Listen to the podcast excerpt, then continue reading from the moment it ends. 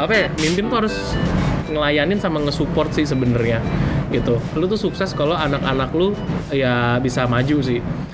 Jadi jangan bunuh idenya gitu loh. Bisa aja ide itu diasimilasi gitu. Maksud gue gue selalu ngomong gini sih ke tim gue kayak kalian tuh desainer. Desainer itu problem solver bukan? Iya.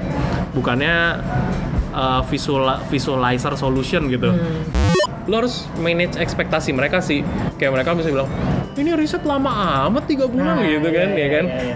desain itu bisa mungkin sih baik lu di agensi maupun lu di in house maupun di korporat pun lu selalu masukin budget sih sama timeline Oke. Uh, uh, jadi solusi lu bisa terukur budget lu berapa Hmm. ya nggak misalnya gue paling gampang ngomong ke mereka lu mau ke Monas nih dari kantor Iya. ya nggak budget lu berapa timeline lu berapa gitu Iya.